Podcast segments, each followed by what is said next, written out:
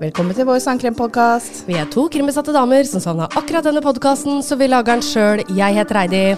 Og jeg heter Nora, og i dag er det tid for en ny seriemorder. Sju drap på 80-tallet, tre drap på 2000-tallet. Hva er sammenhengen? Hold pusten, dette er historien om The Grim Sleeper.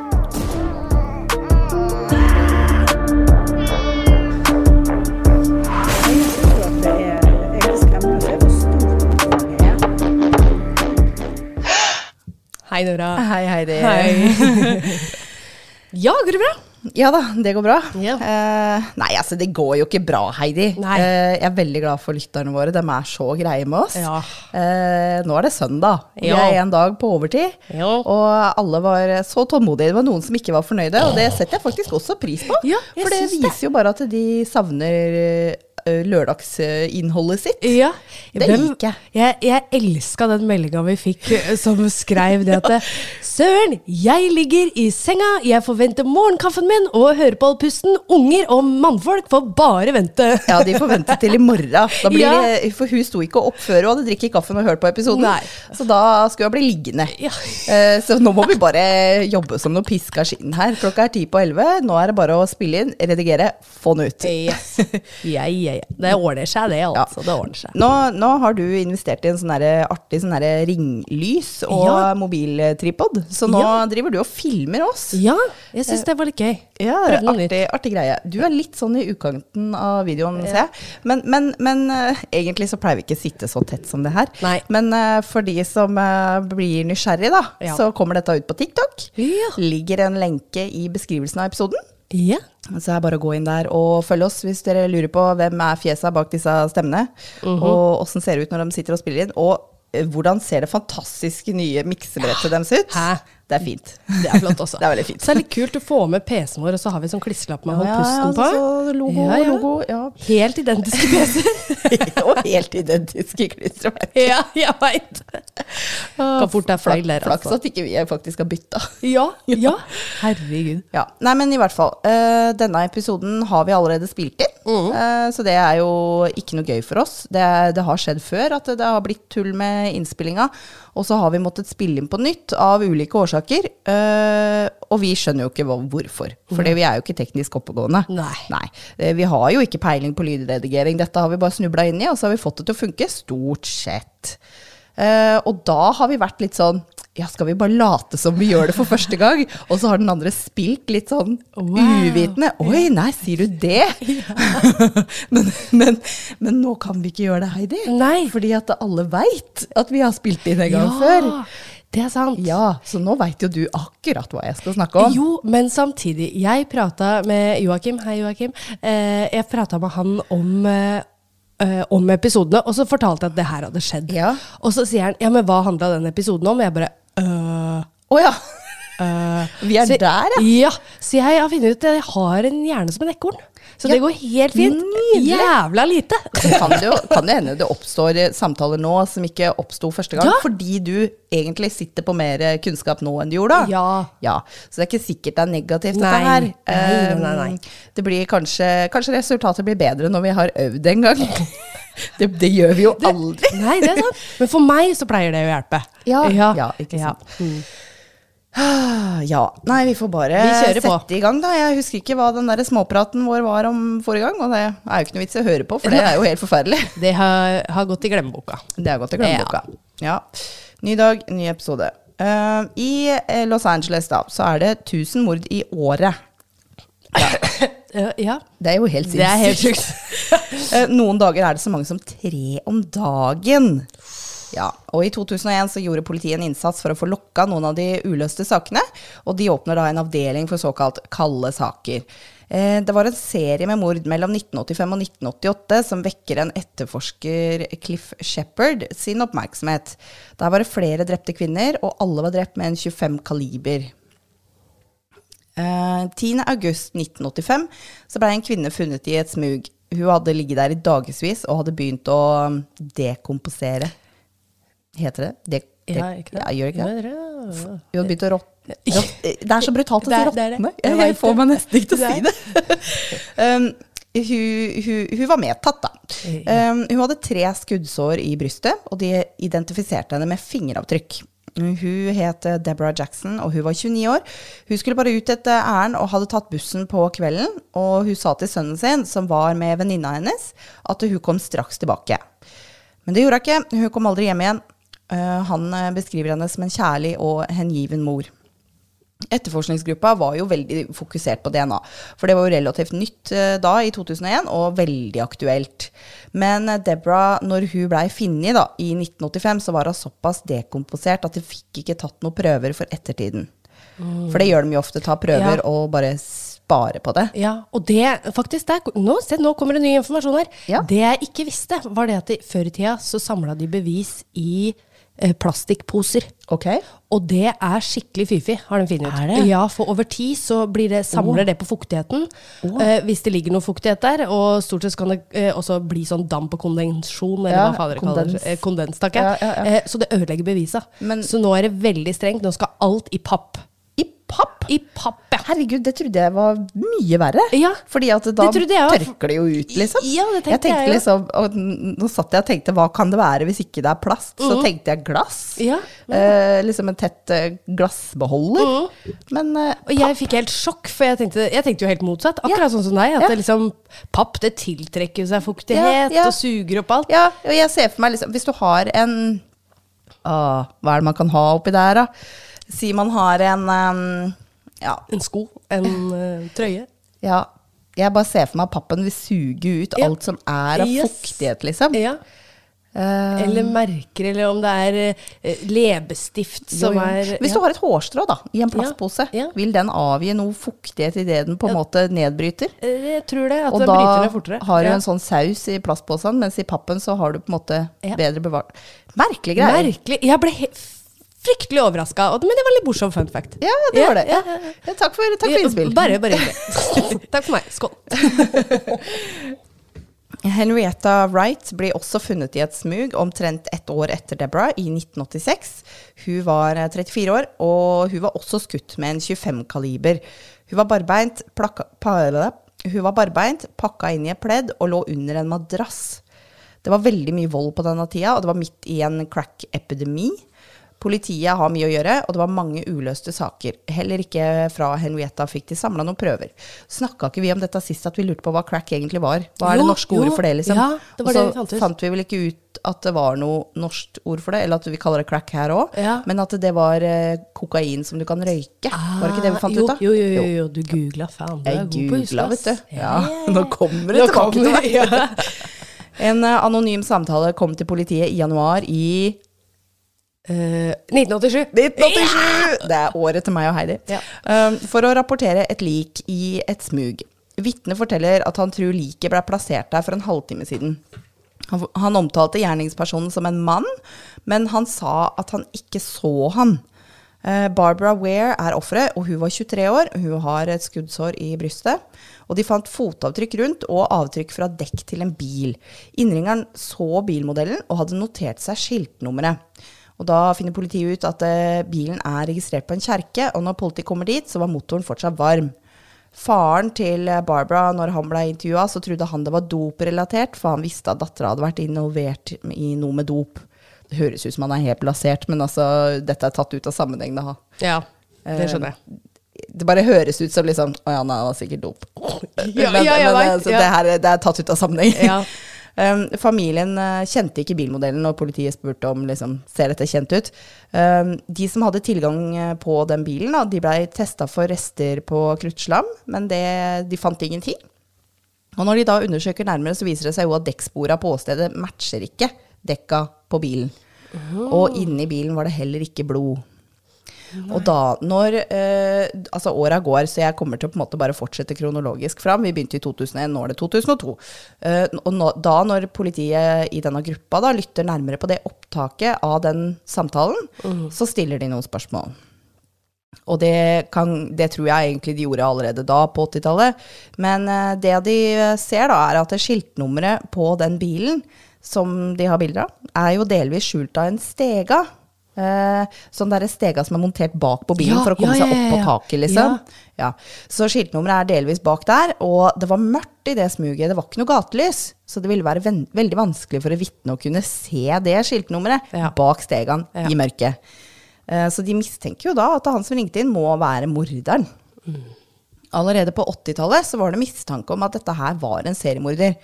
Eh, politiet holdt detaljene for seg sjøl for å kunne på en måte ta vedkommende.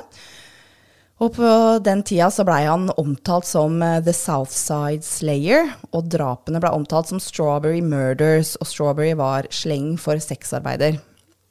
Ja, det var noe jeg lærte nytt. Det har jeg aldri hørt om før. Nei, ikke jeg heller. Altså, jeg har uh, tatovert et jordbær på håndleddet.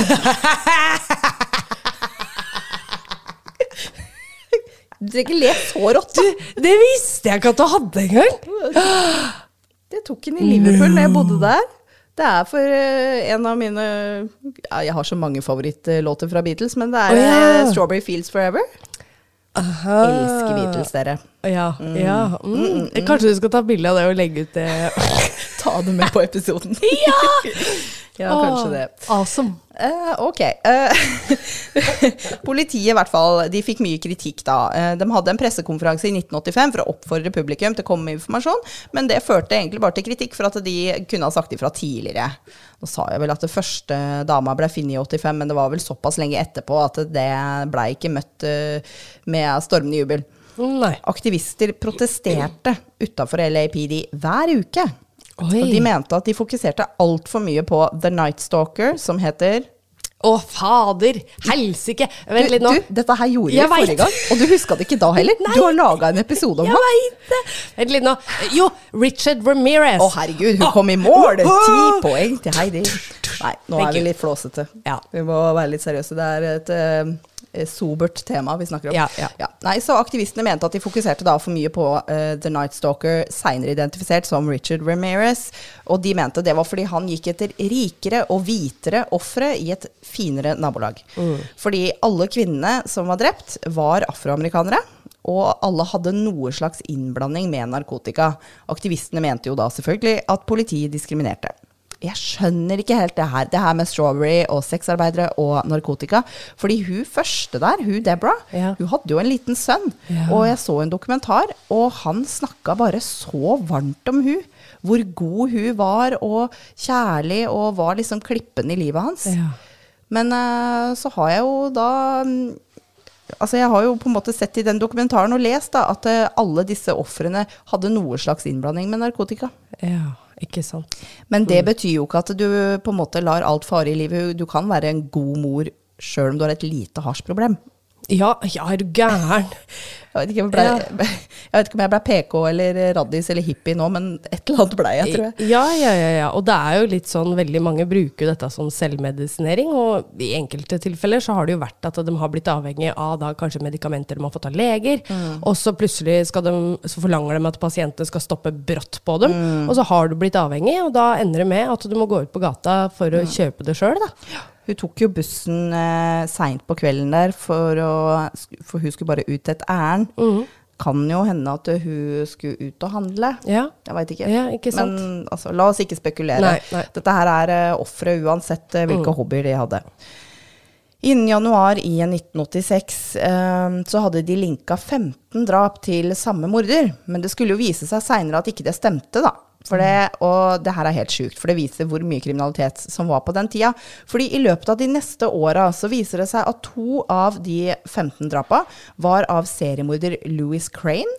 Og seriemorderne Michael Hughes, Daniel Lee Seabert, Chester Turner og Ivan Hill hadde begått ett hver.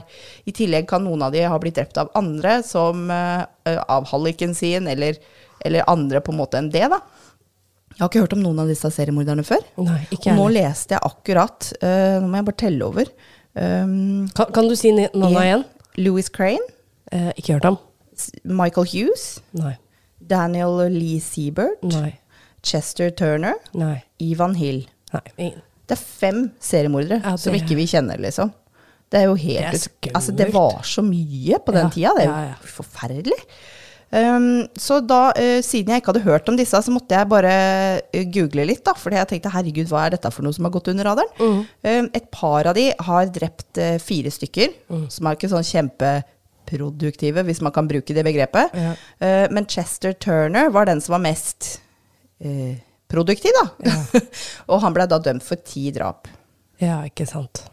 Sånn en liten digresjon der. Ja. Um, I april i 1987 så finner de 26 år gamle Bernita Parks i en konteiner bak en kjerke. Hun hadde bare sagt til mora si at hun skulle ut og kjøpe røyk, men kom ikke hjem. Hun var forslått, kvært og skutt i brystet. Her syns jeg hun hadde blitt utsatt for litt mer. Ja, faktisk. Ja. I november samme år så finner de 26 år gamle Mary Lowe i et smug. Hun skulle egentlig på halloweenfest, men kom aldri hjem. Også hun hadde da skuddsår i brystet. Og da, nå sa jeg vel det at den, eh, før jeg begynte på denne digresjonen med alle disse seriemorderne, så var det jo i 1987 Og nå er det to til, så nå er det altså tre stykker i 87. Mhm. Det virker som liksom det bare eskalerer. Um, Lucretia Jefferson på 22 år finner de et smug i januar i 1988, også med skuddsår i brystet. Men for de tre jentene her, da, de tre siste her, så var det tatt en test for voldtekt. Så her fins det prøver som politiet kunne jobbe med når de da måtte se på saken igjen. Og Altså, det det, har de tatt vare på, altså. det har de tatt vare på. Ja. Eh, Det tar lang tid å se over alle detaljer i en sak, og ikke minst finne sammenhenger mellom ofre. Eh, Cliff tror at gjerningsmannen er Altså Cliff, han i etterforskningsgruppa, han tror at gjerningsmannen er afroamerikansk, siden alle drapene finner sted i et område hvor det stort sett bor afroamerikanere. Og da vil det jo være sannsynlig at det er en som forsvinner i mengden, ikke sant. En, en, en streit hvit type hadde jo stikket seg veldig ut der. Ja. I 2003 så kommer et lite gjennombrudd når de ser over da prøvene fra den voldtektstesten som ble gjort på Bernita Mary og Lecretia, og prøvene viser jo da DNA fra samme mann, oh. uh, som ikke fins i databasen. nei. Husker du det her, liksom? Eh, ikke alt. Nei. Er det sånn faller bitene mer på plass? begynner, Ja, jeg husker nå at det var en Men jeg, hvem som sto bak? Jeg husker han hadde en periode hvor det ble litt stille. Altså, Ja, stemmer. ja stemmer. Ja, ja. Ja, det, det begynner å komme litt demre, småting. ja. Herlighet. Til, min, eh, til mitt forsvar her så hadde jeg ekstremt eh, dårlig uke den uka vi spilte inn. Hadde veldig mye angst den dagen. Så det kan være derfor jeg har ja, glemt litt. ja, men Mm. du hadde vel også var akkurat kommet deg fra korona? Forresten, Ja, smaker det du noe igjen? Eh, jeg har litt, men det er enkelte ting jeg ikke smaker ennå. Så kjedelig. Veldig kjedelig. Veldig. Ja. Men, men det er jo bra at jeg slipper å redigere bort så mye hosting i denne episoden, for Ja. det måtte jeg vel med forrige. Yes, det måtte du. yep. Um, Alicia Alexander, hun, er eh, alltid, hun var alltid veldig blid. Kan jeg bare ta det på nytt? Alexander. Uh, Alicia Alexander var alltid veldig blid og flink på skolen, helt til hun surra seg bort til feil jenter. Hun begynte å skulke og feste, og i august i 1988 så er Alicia 18 år. Hun sa til faren sin at hun skulle bare kjapp tur på hva skal jeg si, polet, eller liquor store, men hun kom jo da aldri tilbake. Hun ble funnet 11. september i et smug. Sa jeg når dette var? Eh, 11. september. ja, men sa jeg årstallet? Oh, ja. Ja, Nei, det, var vel, det var vel 88? Ja, det var 88. Ja. en gutt så da en fot stikke fram fra under en madrass og tok kontakt med politiet. Alicia er nesten naken og ligger med huet oppå et dekk og var veldig dekomposert. Hun har blitt voldtatt og skutt i brystet. Men her har politiet et vitne. En som sier at han så henne forlate spritsjappa og satte seg inn i en bil som var enten oransje eller rustfarga. Og Cliff, som, blir, som etterforsker da i denne kalde sak-gruppa i 2003, han antar at dette er vår morder, og at han dreper jentene i bilen. Fordi ingen steder var det funnet eh, patronhylser. Så han tror bilen er åstedet, og så bare dumper han de ut av bilen. Når Det er ganske sjukt. Det er ganske sjukt. ja, det er jo det. Ja. Det er jo Bare tenk hvordan den bilen må ha sett ut for hver gang. Ja. Ja. Nå, nå begynner det å dukke opp litt eh, an- Ja, nå, nå, ja. Ja, skal ikke røpe noe. Eh, Når Cliff går gjennom saken, så kommer han over en kvinne som sier at hun hadde overlevd et anfall. Eh, angrep? Anfall? Attack? Altså hva Angrep. Anfall? Kan jeg si det? Anfall. Er ikke det litt sånn derre Jeg ville sagt angrep. ja, Ja. jeg tenker liksom anfall. Er Overfall? du, får overfall? Ja, jeg bare Herregud. anfall. Bare eh, Anfall, det får du hvis du har epilepsi. Liksom, Ja, ja, ja. Overfall. Overfall. Herregud, der var det ordet. Takk. Ja, bare hyggelig. Så um, han kommer over ei som Og nå ble Heidi veldig fornøyd, fordi hun kunne bidra med uh, det gode ordforrådet sitt. Yes. Uh, så han kom i hvert fall over ei som har overlevd et overfall. Uh, hun forteller jo da om en oransje Ford Pinto. Og husk nå også at den forrige, det forrige vitnet sa oransje eller rustfarga bil. Mhm. Eh, så um, hun forteller om en oransje Ford Pinto, og hun, det er Anitria Washington, Washington som blei skutt i november 1988, en lørdag kveld. Hun forteller da at hun var akkurat ferdig på jobb, og hun skulle til en venninne, for så å dra på fest. Hun skulle til venninna og vorse, sikkert. Ja. Uh, hun gikk forbi da en spritsjappe og så en oransje Ford Pinto. Den hadde racingstriper og så kul ut. Denne tror jeg kan finne bilder av. Den er kul. Hun fikk tilbud om å sitte på med bilen, og hun sa nei takk, for hun skulle jo bare rett rundt hjørnet. Så sa han at eh, det her er problemet med dere svarte jenter. Dere kan aldri bare være hyggelig. Og så tenkte jeg eh, ok, altså hvis det sparer følelsene dine, så kan jeg godt sitte på rundt hjørnet. Jenter, gutter, vær så snill, alle sammen. Hvis du får dårlig vibber av noen, så trenger du ikke være hyggelig. Nei. Stol på magefølelsen deres. Eh, folkeskikk er vel og bra, men eh, du, du skylder ingen noe. Nei. Samtalen i bilen var hyggelig nok, eh, men så kjører han da feil vei.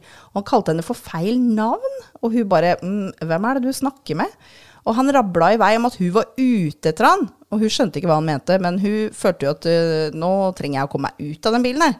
Så skyter han henne. Og forvirra så strekker eh, Enitria handa mot døra, og hun sa 'ikke rør deg, eller skyter jeg deg igjen'. Hun bare 'hæ'? Eh, for det skjønte hun ikke noen ting av, for hun hadde ikke skjønt at hun var skutt. Nei. Det hadde hun ikke registrert. Hun spurte 'Har du skutt meg?' Kjør meg til et sjukehus. Og han sa nei, og kjørte videre. Så hun var jo da litt inn og ut av bevissthet. Men hun huska masse lysglimt. Blits. Og hun våkna til når han voldtok henne. Hun følte vekten oppå seg, og hun fikk ikke puste. Det, altså, det slår meg først nå, hvor sinnssykt det er. Ja. Han voldtok henne etter at han hadde skutt henne. ja. Det er, er det ikke nekrofili det heter? da? Jo, altså nå levde jo hun, da. Ja. Men har han gjort det med de andre òg, liksom? Eh, Da er det jo det. Yes, nettopp. Det er jo tydeligvis det han tenner på, da. På en måte Jeg trodde- bevisstløse eller døde Jeg trodde Kvinner. så, altså naturligvis voldtekt først, og så Mhm, uh, skutt. mhm. Wow. Ja. Uh, det, det her tenkte jeg ikke på for Ja, forrige nei, innspilling. Nei, nei, ikke jeg heller. Um, men i hvert fall, um, de var fortsatt i bilen. uh, men nå greide hun å få åpna døra, og så detter hun ut. Og hun så et gateskilt, uh, og da skjønte hun på en måte hvor hun var hen. Hun var ganske nærme venninna si, og fikk karra seg bort dit. Og lå på verandaen til venninna Linda til hun kom hjem, og ba henne ringe sjukehuset. Tror du, tru, tror du han har Det kan jo være, tenker jeg, for han har jo eh, tidligere ofre, så har hun skutt dem i bilen og kasta dem bare rett ut, ikke sant? Ja. Eh, Kanskje han trodde at hun var død? Kan hende han tenkte at uh, hun kommer til å få blø, og dette, ja. dette går av seg sjøl, liksom. Ja. Det tror jeg. Ja. Uh, men så var det litt sånn som vi har snakka om i andre episoder òg, da. At det, det betyr så utrolig lite for dem. Ja, ja. At det, det blir som hvis du tar og snyter deg Mm. i tørkepapir og kaster det tørkepapiret i søpla. Du tenker ikke på det tørkepapiret etterpå. Nei, nei, du tenker ikke liksom hvordan har det papiret det i søpla. Det har ingen betydning for deg. Nei, men- det, det er sånn veldig mange dumper ofrene sine. Det er Ja. ingen konsekvens når de på en måte er ferdig. Helt er, uten betydning. det er sant. Men skulle tro at uh, han tenker på, på at han ikke skal bli tatt, fordi han vil holde på lengst mulig. Han føler seg så trygg. Ja. Det er så mange drap for tida. Ja. Det er så, politiet har så sjukt mye å gjøre. Ja, og så er det jo det at eh, jo flere drap du begår som ikke har blitt oppdaga, jo mer selvtillit får du jo. Ja, At det, ja. Han kommer aldri til å ta meg, har ikke skjedd ja, før. Han har kommet ganske langt nå, Ja, så han kan godt hende han føler seg litt overpå, altså. Ja. Men Bare tilbake- spekulasjoner her. Ja, ja, ja, selvfølgelig. Eh, men tilbake til Anitia. Mm. Kula satt rett ved hjertet hennes. Men utrolig nok ble den stoppa av et ribbein. Og hun overlevde. Og når hun blei uh, utskrevet, så lagde politiet en fantomtegning av en mørk mann i 30-åra. En som var tettbarbert, snakker pent og kler seg pent. Han var lavere enn henne, og hun ga informasjon på bilen. Politiet da føler jo liksom Nå! Nå, Nå jævler, nå tar vi den.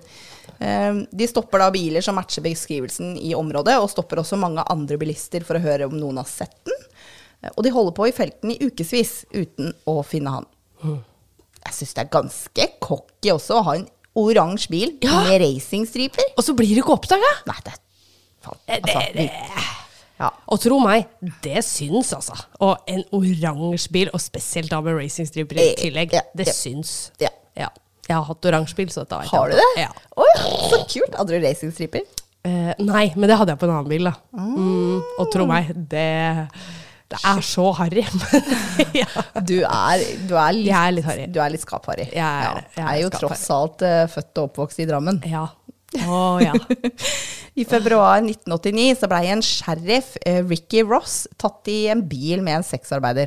Hun påsto at de hadde røyka crack, og han uh, benekta det, Uh, og krevde å få gå, og prøvde å bruke da stillingen sin for å få lov å gå. Og jenta sa at hun var redd for han, og at han hadde en pistol i bilen. Og når politiet ser på våpenet han har i bilen, så eh, viser det seg at det er en match for tre andre mord. Alle skutt med en 9 mm. Hjemme hos han så fant de en 25 kaliber hylse, men ikke noe våpen. Så da blir han mistenkt eh, for alle drap. Uh, Enitria derimot, hun som overlevde, hun me mener overhodet ikke at det var sheriffen som skøyt. Um, han var for høy, og han hadde feil hudtone. Og for øvrig, han blir stilt for retten, og under da rettssaken så mener to uavhengige analyser at det ikke var hans våpen som sto for de tre uløste drapene begått med 9 mm. Eh, Så saken blir henlagt, og sheriffen får gå. Men eh, nå tror jo mange i politiet at han står bak alle, også de begått med 25 kaliber. Og etter han slapp ut, så stopper plutselig drapene. Mm. Ja. Og det er litt sånn Det kan være tilfeldig òg. Ja, pre presset for å løse drapene forsvinner litt, ikke sant. Mm. Alle dokumenter blir arkivert og liggende. Nå er det jo mange på en måte i politiet som tror at ok, det er han. Mm. eh, Hvor, vi, vi får ikke hekta han. Og så skjer det jo ikke noe mer. Mm. Så, så det blir på en måte bare liggende. Og de pårørende lever med uvissheten om at ikke de veit hvem som har drept sine døtre, søstre, mødre. Det er ingen svar. Og det vil gå 22 år fra det første drapet til vi har svara. Det, det er sjukt. Stakkars. Ja. Stakkars eh, familie. Familie Ja, og pårørende og venner og familie. virkelig. Cliff eh, jobber videre da, i denne eh, kalde gruppa, eh, tross lite framgang. Han veit ikke om morderen i det hele tatt fortsatt er i området, eller om han lever. Altså, han veit ingenting. Men etter å ha sittet med saken i tre år, så dukker det opp noe, da. En kvinne blei funnet i et smug i 2002 med en manns DNA på seg. Samme mann som på 80-tallet. Og jeg sier på seg for samtlige her, for jeg veit ikke om de fant det på de eller i de, men vi trenger jo ikke grave i det. Vi veit jo det ble gjort voldtektstester på tre av jentene på 80-tallet, så vi kan jo kanskje tenke oss, men det lar vi bare ligge. Men eh, nå veit Cliff at morderen fortsatt er her, og han er fortsatt aktiv. I januar 2006 så fatter Christine Pellisek, en kriminalreporter for LA Weekly, interesse for saken. Hun har eh, siden den gang skrevet boka som heter The Grim Sleeper. Hun ringer LAPD og snakker med de regelmessig om hvilke saker de har. Det er vel bare sånn hun jobber, tenker jeg. Og hun snakker da med rettsmedisineren, som forteller henne at de har opplevd en økning av lik som blir dumpa i smug og konteinere mellom 2002 og 2006. Hun ba om å få en liste for å undersøke, men det fikk hun ikke. Og dessuten så blei hun bedt om å ikke snakke med noen. Så det er mulig rettsmedisineren egentlig hadde sagt mer enn han skulle her. Ja. Så Christine ringer rundt til politistasjoner for å undersøke. Da ikke liksom LAPD, men alle de småstasjonene. Tenk liksom her, kanskje lettere å få ut eh, litt detaljer. Og da kommer hun over 15 år gamle prins, mm, Princess Berth, Berthamew. Det er et navn. Princess Berthamew. eh, Som har rømt hjemmefra i 2002. Vil du bare se på stavelsen av det navnet, eller? Berthamew? Å herregud, jeg hadde ikke klart å uttale engang! Jeg har hørt det på dokumentar. Ja, ja, ja. mm. Det er nå noen uker siden, men Det- da. ja, eh, det, det, det staves M-I-U-E-X på slutten der. Og det er jo vel sikkert litt sånn sørstatsfransk Ja, inspirert. det kan. Berthamew. Um, så um, Princess Berthmew hun har rømt hjemmefra i 2002, og hun ble funnet i et smug. eh, 15 år, altså. Drapet hennes ble linka til et nytt drap i 2003 på Valerie McCorvey, som var 35, som ble funnet kvært. Ikke skutt. Oh. Kvært. Um, men de hadde samme DNA på seg, samme som ble funnet på kvinnene på 80-tallet. Og hun visste Altså, Christine visste at politiet var på saken, men følte at folk burde vite om det her. For det var jo en seriemorder løs, og det her er jo ikke De har jo ikke gitt noe informasjon til offentligheten.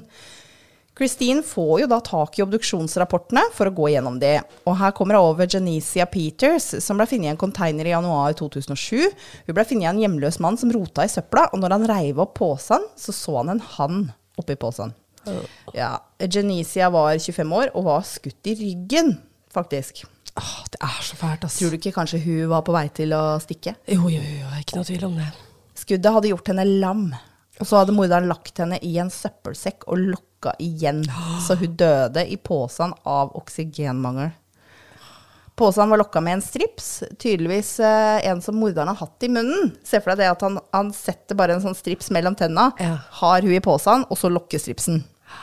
Så spyttprøve viser jo da at det var samme person som Valerie McCorvey, Princess Berthamew og alle kvinnene på 80-tallet.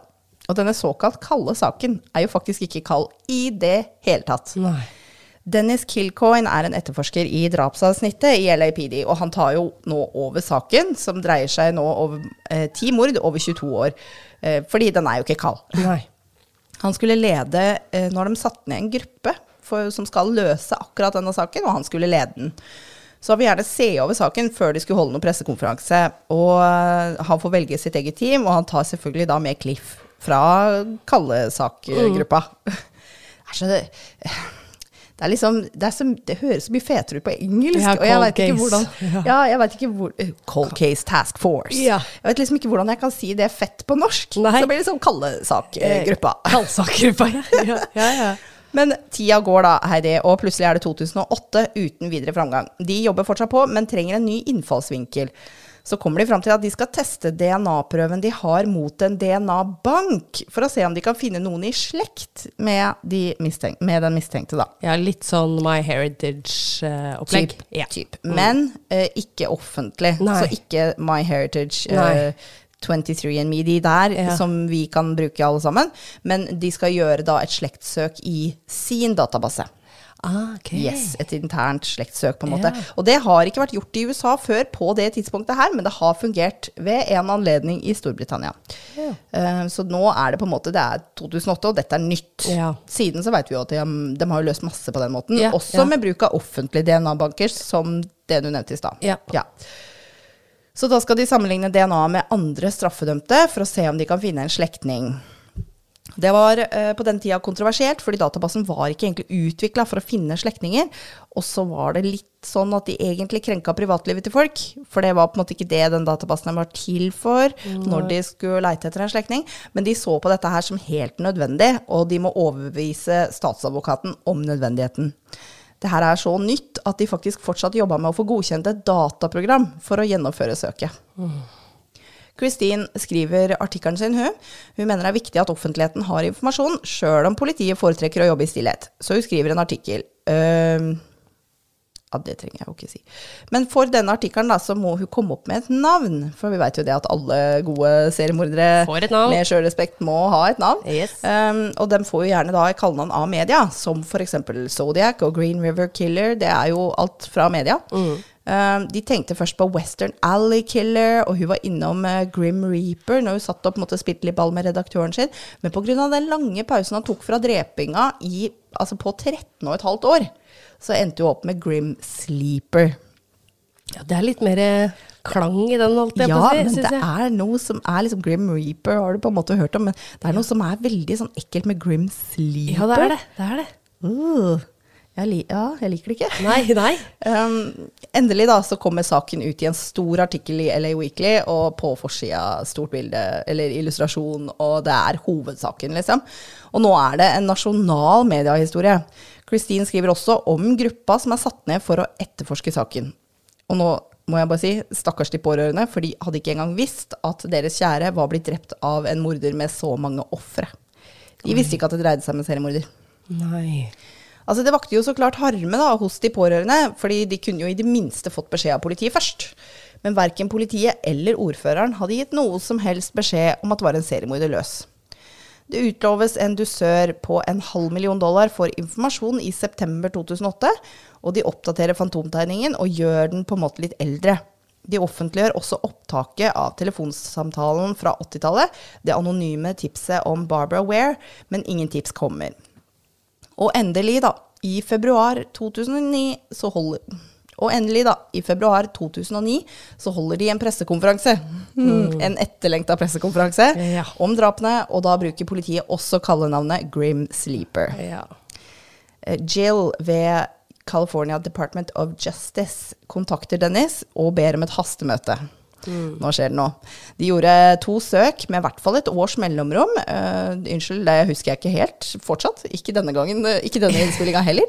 Eh, det så jeg i den dokumentaren. Uh, at det første gang de søkte, så fant de ikke treff, men så gjorde de et søk til. Og da fant de en slektning av morderen. Så Jill gir Dennis en konvolutt med navnet på Christopher Franklin, en 28-åring som var dømt for våpenforseelse. Han er jo altfor ung til å være morderen sjøl, men han må jo være i slekt med morderen. Faren hans heter Lonnie Franklin. Christopher forteller i dokumentaren hvordan det var å vokse opp med Lonnie. Han fortalte at han blei fysisk disiplinert som barn, og ikke bare liksom ris på rumpa, eh, som er feil i seg sjøl, men han blei banka.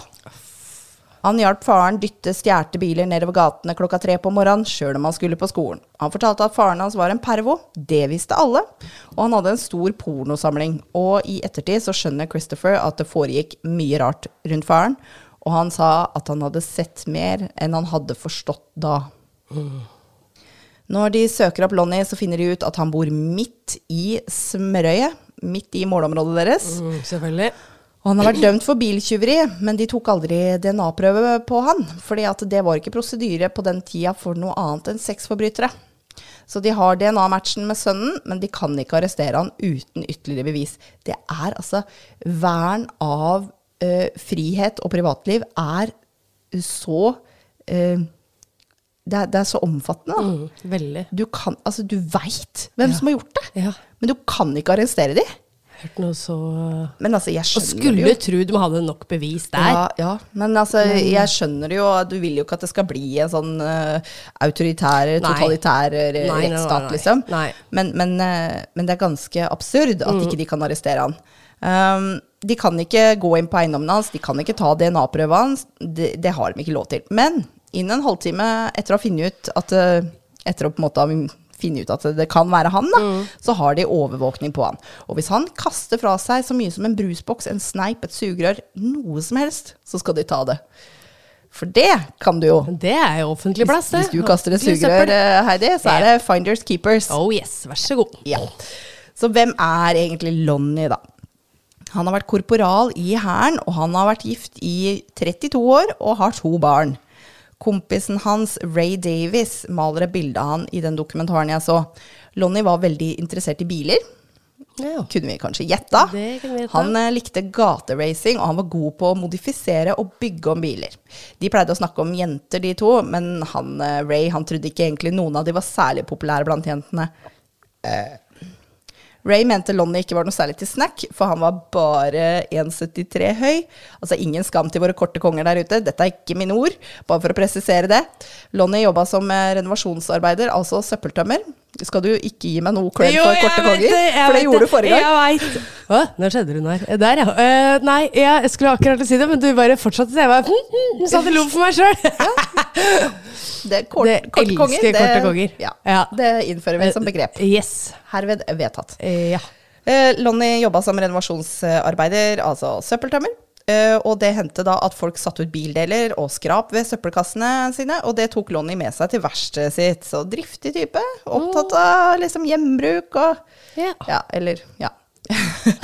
Kompisen til Lonnie sier at han hele tida skrøyt av at han har møtt den dama og den dama, til tross for å være gift med to barn.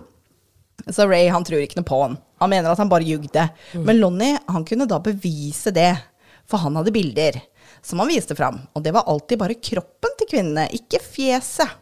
Han fortalte at Lonnie hadde kallenavn på jentene, som hengepupper, kyllinglår, store bein osv. Ikke sånn veldig positivt lada. Nei, det der er negative Tenk å kalle kvinner sånn, da. Ja.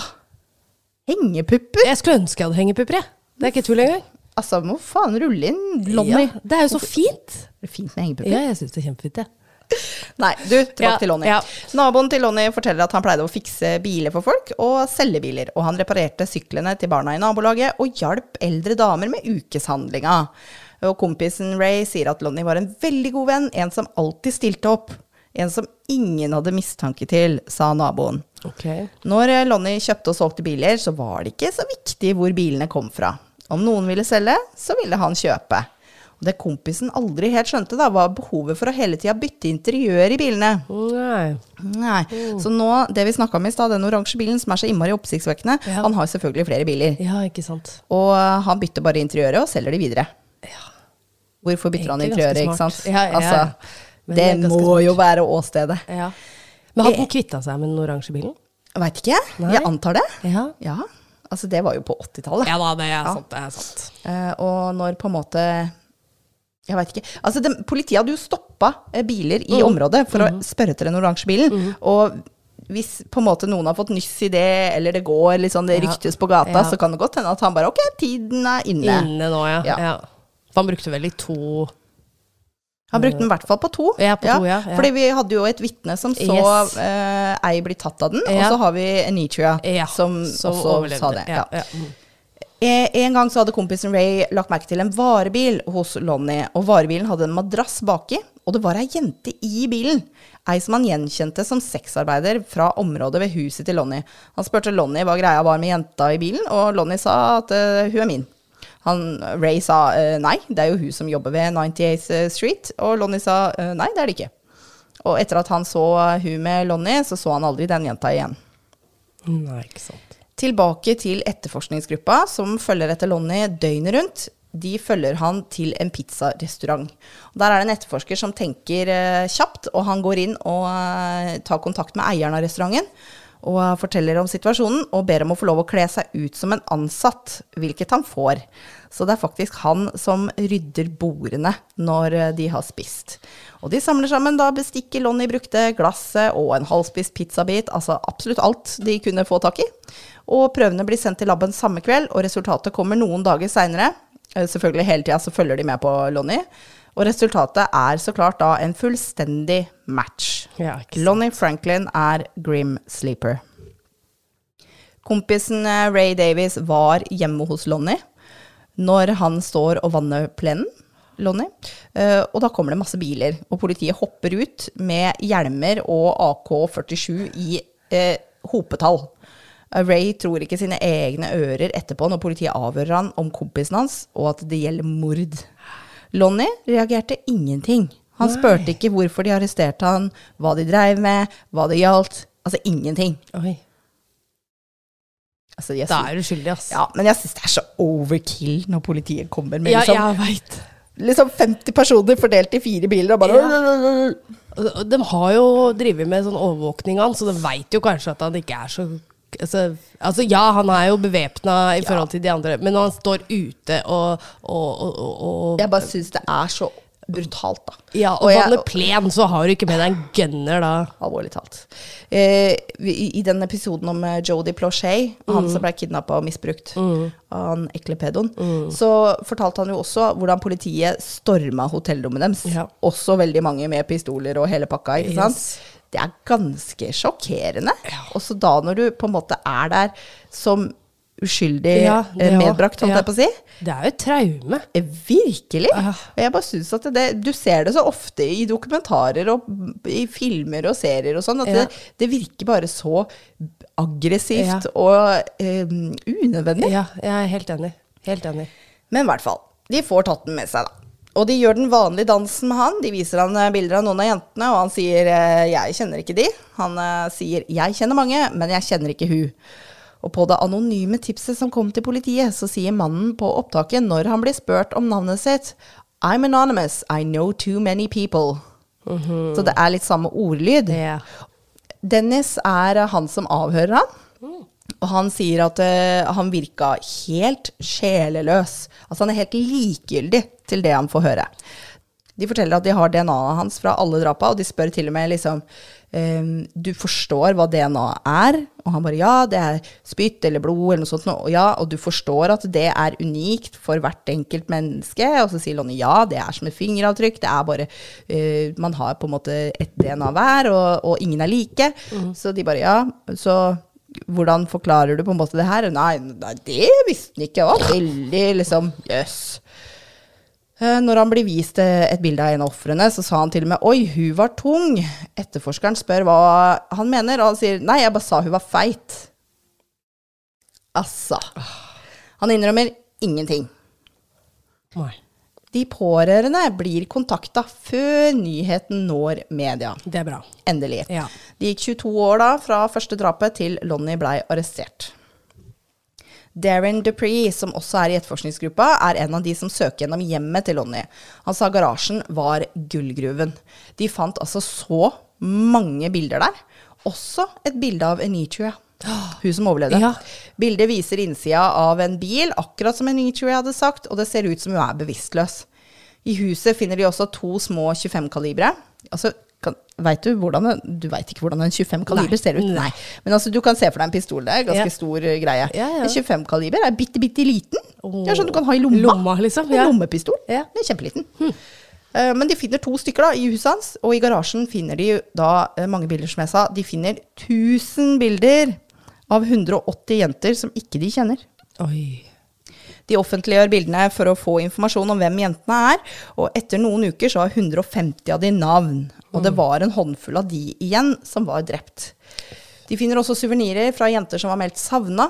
De fant skolebeviset til 18 år gamle Ayala Marshall og førerkortet til 29 år gamle Rolinia Morris. Og begge jentene var meldt savna og eh, sist sett i området hvor Lonnie bor. Så de skulle jo nå gjerne stilt ham for retten eh, for flere drap, men de mangler jo bevis. Ja. Altså, disse jentene er savna, de, de har jo ikke noe kropp. Nei. Så i garasjen så finner de alt mulig annet også. Kjeder, øredobber, ringer. Han blir sikta for ti drap og et mordforsøk på Enitria. Mm. Og han erklærer seg ikke skyldig. Og åh, kan de ikke bare gi opp, ja, liksom? det. Du, du, vi, vi har alt det her. Kan Ja. du ikke liksom Hallo, bare, Kun- bare si det, da. Kunne hun som overlevde, gjenkjenne han? Veit du noe om det? Hun Anitria? Oh, Ja. jævla godt spørsmål. Ja, ja. For hun var jo i rettssaken. ja. Så hun må jo, siden hun var veldig klar på at det ikke var sheriffen, Mm. eh, så har hun jo fått et godt øyetinn. Eller øyetinn, det er feil. Altså, det er- eh, godt øyepann! Ja. ja. Det, det var ganske sjukt. Det var to vidt forskjellige betydninger, men så likt. Ja, for vitna jo òg ser ut som der. så Ja, da- ja, ja, hun vitna i, i rettssaken. Ja, da er det ikke noe tvil. Hun har garantert kjent den igjen. Hun har kjent den igjen. Ja. Yes, absolutt. Ja. Eh, står i eh, LA Times at eh, hun er satt i vitneboksen. eh, the man she says attacked her. Så eh, hun eh, peker ut han som gjerningspersonen gjerningspersonen under rettssaken. Absolutt. Ja. Godt spørsmål. Eh, Sykt at ikke jeg fikk med meg det. ja. Nei, nå tenkte jeg nå skulle jeg være litt Nora. Ja. For du kom med sånne jeg, jeg kom med sånne som får deg til å google. Ja! For jeg bare What the fuck? Altså, du spør om alt mulig rart som jeg bare Du, jeg har sett et par dokumentarer her, liksom, om denne saken. Du kan ikke spørre meg om alt! Nei! Rettssaken blei forsinka. Han blei jo arrestert da i 2010, men den begynner ikke før 16.2.2016. Årsaken til forsinkelsen veit jeg ikke. Nei. Eh, så jeg, og det har jeg prøvd å søke opp, men sånn er det bare innimellom. Men det er mye materiale her, da, hvis de skulle gått gjennom ja, alle jentene fra bildene. Ikke sant? De må bygge Ja. sak og sånt noe, ikke sant. Advokaten til Lonnie prøver å kaste nevøen hans under bussen, faktisk. Og han sier, dette er forsvaret hans, «Eh, hvert enkelt av disse mystiske drapene kan ha blitt utført av en mystisk mann med en mystisk pistol og mystisk DNA. Det var godt forsvar. Å, fy faen. Det er så dumt, dette. At det... Ja. Og med den advokaten så blir Lonnie dømt på alle punkter. Yay! Til straffeutmålinga så presenterer de også fire nye ofre. Oi. Som de da, for de sitter jo fortsatt og jobber med det, ikke sant? Eh, men, men disse blir da ikke tatt med i dommen, da. Nei. Eh, men han blir dømt til døden. Ja. Og han dør på dødscella 28.3.2020 av naturlige årsaker. ja. Um, det tar ganske lang tid, jeg skjønt. Hvis du får dødsstraffen, så kan det ta utallig mange år ja. før du Men er ikke det en del av straffen, tenker jeg? Jo. Poenget er ikke at eh, staten skal drepe de. Jeg føler vel nesten poenget er at de skal sitte på pinebenken. Ja, ja, ja. Fordi hvis Faktisk. du, tar, hvis du tar den ut av rettssaken og bare henger den med en gang, eller hva den mm. altså, Gift eller whatever. um, da, da får den jo ikke liksom tid til å få noia og Nei. Det blir som liksom verdens kjipeste adventstid å sitte og vente på den dagen. Ja. Det er bare det at skattepenga går på å bruke Ja og ha dem i ja kasjotten. Men ja, før i tida var det sånn. Da var det jo rett etter rettssaken, så var Ja. det rett i kjelleren og Du, du, du får ikke anken, anke, nå skal du dø. Ja. Ja. Um, han eh, kan jo ha drept mange flere enn han var dømt for. Eh, Dennis, som leder av gruppa for å ta han, mener at eh, han eh, sikkert har drept godt over 30 kvinner. Og i LA er det titusenvis med uløste saker, og det er mange som aldri vil få svar. Han fikk jo kallenavnet sitt pga. det lange oppholdet han tok fra å drepe. Og det du tenker nå, som sikkert alle tenker, er hvorfor? Åh, jeg lurte så fælt på det her. Og det her er grunnen til at jeg valgte den saken her. Fordi, åh, nå husker jeg småpraten vår på begynnelsen forrige episode.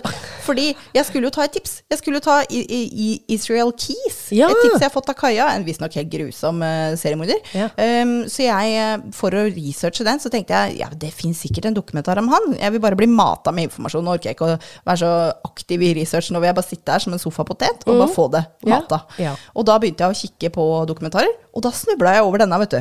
Og jeg bare Hæ? Så langt opphold? Jeg må vite hvorfor. Ja. Og da bare begynte jeg å skrive. ja. Men eh, så var det jo ikke så spennende. Eh, fordi at eh, det var jo ikke noe sånn veldig svar på det lange oppholdet, for jeg var så nysgjerrig. Ja. Var han opptatt med familien? Altså, satt han inne? Hva var greia? Men etterforskerne mente at han faktisk aldri sov, for å bruke det begrepet. da. Han, de mener at han var aktiv hele tida, og det gir jo egentlig mye mer mening. ja. Og på de 13 åra som gikk mellom drapene, så tror de at de har faktisk greid å identifisere 11 andre ofre. Å, fy fader, det er mye. Ja. Så da med de 11 og de 10 vi veit om, så er vi oppe i 21, men Dennis mener jo det er godt over 30. Ja, ja, ja. Og det tviler jeg ikke på. Nå er det over heller. 1000 bilder hos ham. Ja. Så Og mange av de er savna, liksom. Ja. ja. Uff, ja. Yes. Forferdelig. Ja, Forferdelig, forferdelig. Virkelig. Det var det, det var det. Skal vi bare få banka ut episoden? Vi banker ut episoden, så beklager alle sammen for at det kom en dag seint. Oh, tusen Men, takk, dere takk er så at- fine og Ja. hyggelige. Og vi har fått så mange meldinger. Og vi har Ja. fått meldinger fra folk som aldri har sendt oss melding Ja. før. Bare for å si at liksom å, Vi det- digger dere. Vi digger dere, vi gleder oss. Det, det er så hyggelig! Vi hever lønna vår i skryt, vi. Ja, for det gjør vi. vi gjør jo dette bare for gøy. Ja. Men det er bare så deilig. Ja, det er dere deilig. er så deilige, lytterne våre. Ja, jeg blir så motivert, jeg. Ja, at vi Ja. kan få litt sånn kred. Jeg føler liksom at det, det, det er litt viktig det vi gjør. Det er det. Det føles litt sånn. Det føles litt viktig ut. Ah, herregud. koselig. Ja. nei, men da kan uh, vi to viktigpettere sign off. Oh yes, det kan vi. Snakkes om eh, seks dager, da. For Ja. da er det ikke en uke til neste gang. Nei. Da kommer den på lørdag. Ha det. Ha det.